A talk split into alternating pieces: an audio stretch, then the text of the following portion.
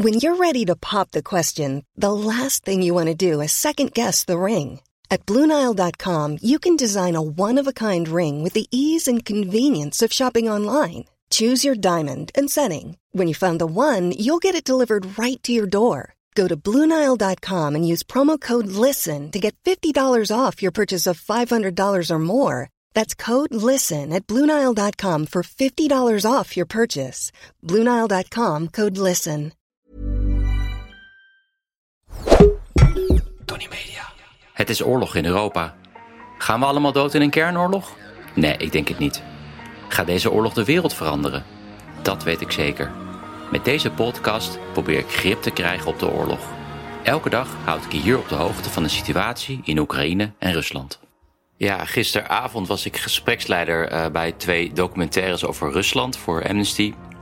Ik vond het trouwens heel erg leuk om luisteraars van de podcast een keertje live te spreken.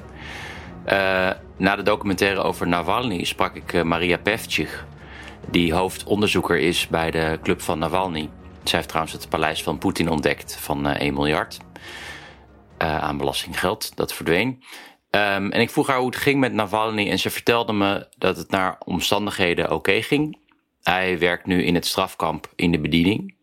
Maar ze zei wel dat hij binnenkort wordt overgeplaatst naar een kamp met een zwaarder regime om die nieuwe straf van negen jaar uit te zitten. En het is natuurlijk de vraag hoe het straks in het volgende kamp is. Uh, verder sprak ik Natalia Sindeeva, die de oprichter is van TV Dozhd, het laatste onafhankelijke tv-station in Rusland dat kort na het begin van de oorlog sloot. Uh, zij is naar het buitenland gevlucht. En ze vertelde me dat de kans groot is dat ze vanuit het buitenland uit gaan zenden.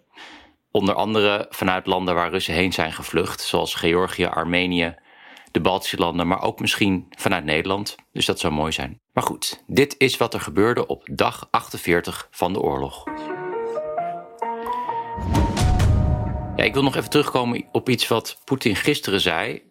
Um, tijdens het geheel nutteloze en contraproductieve bezoek van de Oostenrijkse kanselier Nehammer aan Poetin.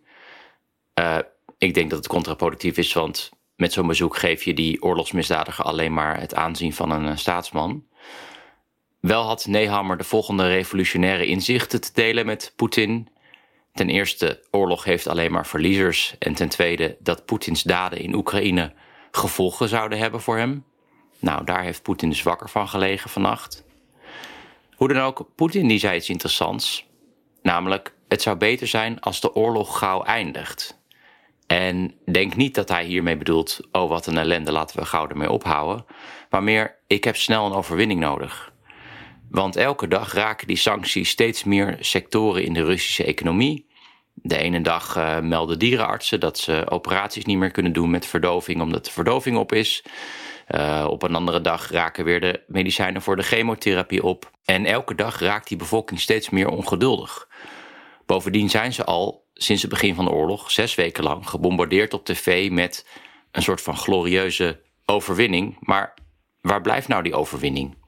Dat moet toch wel binnenkort gaan gebeuren.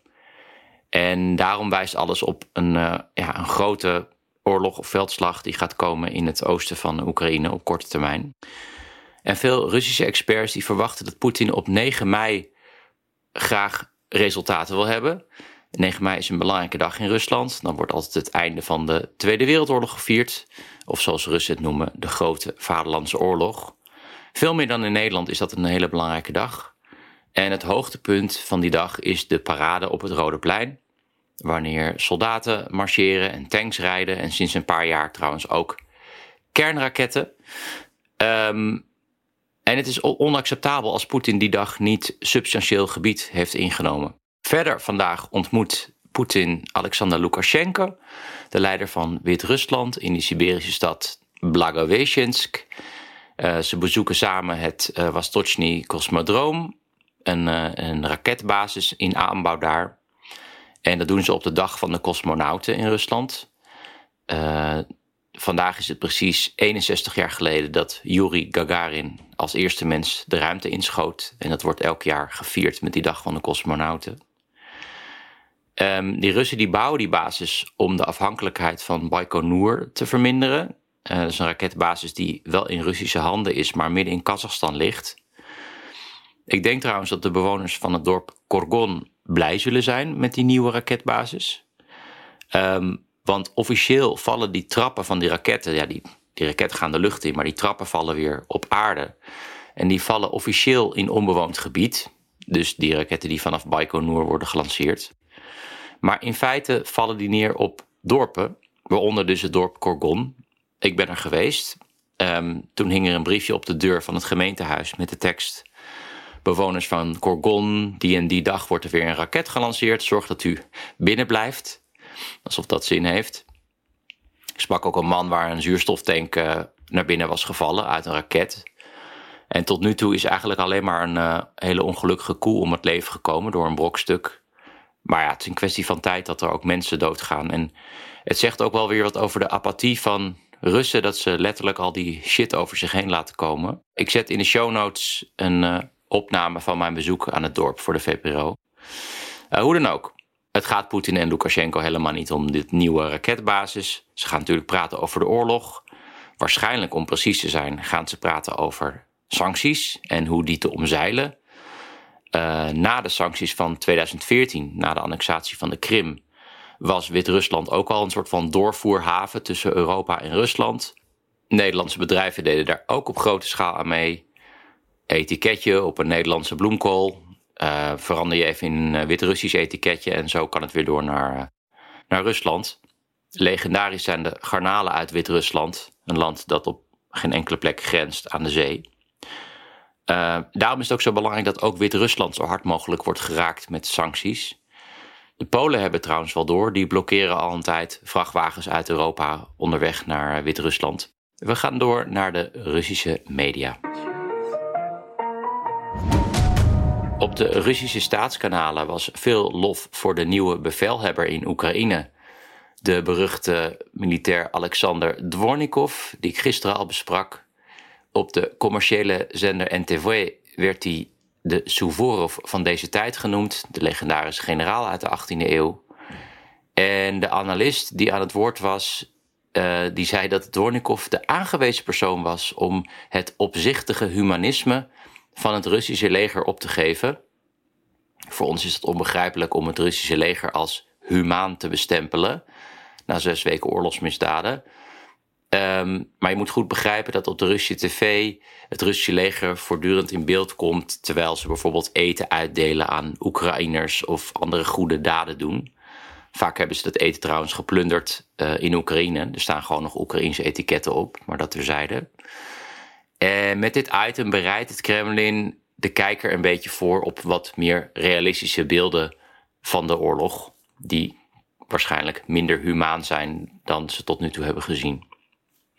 Verder wil ik nog wat speciale aandacht geven aan Novaya Gazeta, de laatste kritische krant in Rusland die onlangs is gesloten. Die zijn een Europese editie begonnen, voorlopig nog op Twitter en Telegram. Binnenkort hebben ze ook een website. Maar op die Twitter-feed staat nu al hele goede berichtgeving over chemische wapens. Dat is een onderwerp trouwens waar ik zo nog op terugkom. In de show notes zet ik een link naar de uh, Novaya Gazeta Europese editie. In de Oekraïnse media uh, is er een beeld heel erg veel gedeeld. Uh, ja, het is een soort van video in de traditie van de unboxing. Uh, maar dan van een buitgemaakte Russische Orlan-drone. Um, dit filmpje ging al vaker rond bij Oekraïnse en Russische kanalen. Maar er is nu ook een versie met Engelse ondertiteling. Dus die deel ik met jullie in de show notes. Ja, Russisch wapentuig is een geliefd onderwerp op de staatskanalen om de grootsheid van Rusland te laten zien. Zo van, we doen niet onder voor de Amerikanen. Wij hebben ook drones. En um, de drone die ze hebben in beslag genomen is een soort van geüpgrade variant van de Orlan. Ja, zoals zo vaak als je van dichtbij kijkt, is het echt compleet houtje touwtje. En deze Oekraïense uh, ja, officier heeft veel plezier met het uit elkaar halen van deze drone. Dat kan je wel zien. Wat ten eerste opvalt is het gebruik van westerse apparatuur. Net als uh, trouwens de Russische tankfabriek in Nizhny Tagil, die nu stil ligt vanwege een tekort aan westerse componenten, leunt deze drone ook heel erg op uh, westerse apparatuur. Er zit gewoon letterlijk een Canon spiegelreflexcamera ingeplakt met klittenband. Uh, het knopje Het aan-uitknopje is met secondenlijm vastgemaakt, zodat hij aanblijft. Kennelijk ging dat wel eens mis. Verder een mooi detail: de brandstoftank is een waterflesje. Ehm, je ziet het uiteinde van het flesje. Het dopje kan je er gewoon erop draaien. En die man in beeld die eindigt met: ja, het is knullig, maar dit flesje doet wel zijn werk. In al zijn knulligheid en simpelheid doet het me een beetje denken aan de anti-tankhonden uit de Tweede Wereldoorlog. Um, daar was het principe heel simpel. Je traint een hond dat er vlees ligt onder tanks. Daarna bind je een eh, granaat aan de hond vast met een schakelaar. En eenmaal op het front, hond ziet een Duitse tank en die denkt eten, die rent erheen. En um, ja, die schakelaar gaat om en de granaat ontploft en de hond ook. Um, aanvankelijk hadden trouwens de Russen wel problemen, want ze trainen met Russische tanks en die reden op diesel. En die hadden een hele andere geur dan de Duitse tanks. Uh, die reden op benzine. Dus aan het front renden die honden de hele tijd op Russische tanks af. Nou ja, uiteindelijk is dat ook opgelost. En hebben die honden best wel een belangrijke rol gespeeld. Uh, onder andere in uh, Stalingrad. Simpel, maar effectief. Overigens kosten deze drones, dus de Orlan drones, heb ik het weer over. We hebben het weer over de oorlog van 2022. Die kosten 120.000 euro per stuk. En je kan zelf al, ja, als je de prijs optelt van een Canon spiegelreflexcamera en een waterflesje, kom je daar niet echt in de buurt. En ik denk, als je vaker naar deze podcast luistert, dan weet je wel waar de rest van het geld verdwijnt. Oh, ik zit al gewoon best wel veel gekletst. Ik ga dan morgen wel verder over het uh, al dan niet gebruiken van chemische wapens door het Russische leger. Misschien is daar dan ook wat meer over duidelijk. Dat was het voor nu. Tot morgen. En dan tenslotte nog dit. De afgelopen drie weken is het jammer genoeg niet gelukt om een sponsor voor de podcast te vinden. Dat is opmerkelijk, want het is een heel goed beluisterde podcast. Kennelijk vinden adverteerders het lastig, dit genre. De titel helpt natuurlijk ook niet echt. En dat is ingewikkeld, want het maken van een podcast kost wel geld en tijd. Uh, mocht je nou de afgelopen weken hebben geluisterd en denken, nou, dat was wel wat waard, dan kan je altijd een donatie doen. In de show notes staat een link naar een pagina uh, waar je die betaling kan doen. Hartstikke fijn als dat lukt. En in de show notes staat trouwens ook informatie uh, hoe adverteerders zich kunnen melden. Dit was het voor nu. Ik ben er morgen weer. When you save on auto insurance for driving safe with USAA Safe Pilot, you'll feel like a big deal. Even in a traffic jam. Save up to 30% with USAA Safe Pilot. Restrictions apply. Planning for your next trip? Elevate your travel style with Quince. Quince has all the jet setting essentials you'll want for your next getaway, like European linen, premium luggage options, buttery soft Italian leather bags, and so much more. And is all priced at 50 to 80% less than similar brands. Plus, Quince only works with factories that use safe and ethical manufacturing practices. Pack your bags with high-quality essentials you'll be wearing for vacations to come with Quince. Go to quince.com slash pack for free shipping and 365-day returns.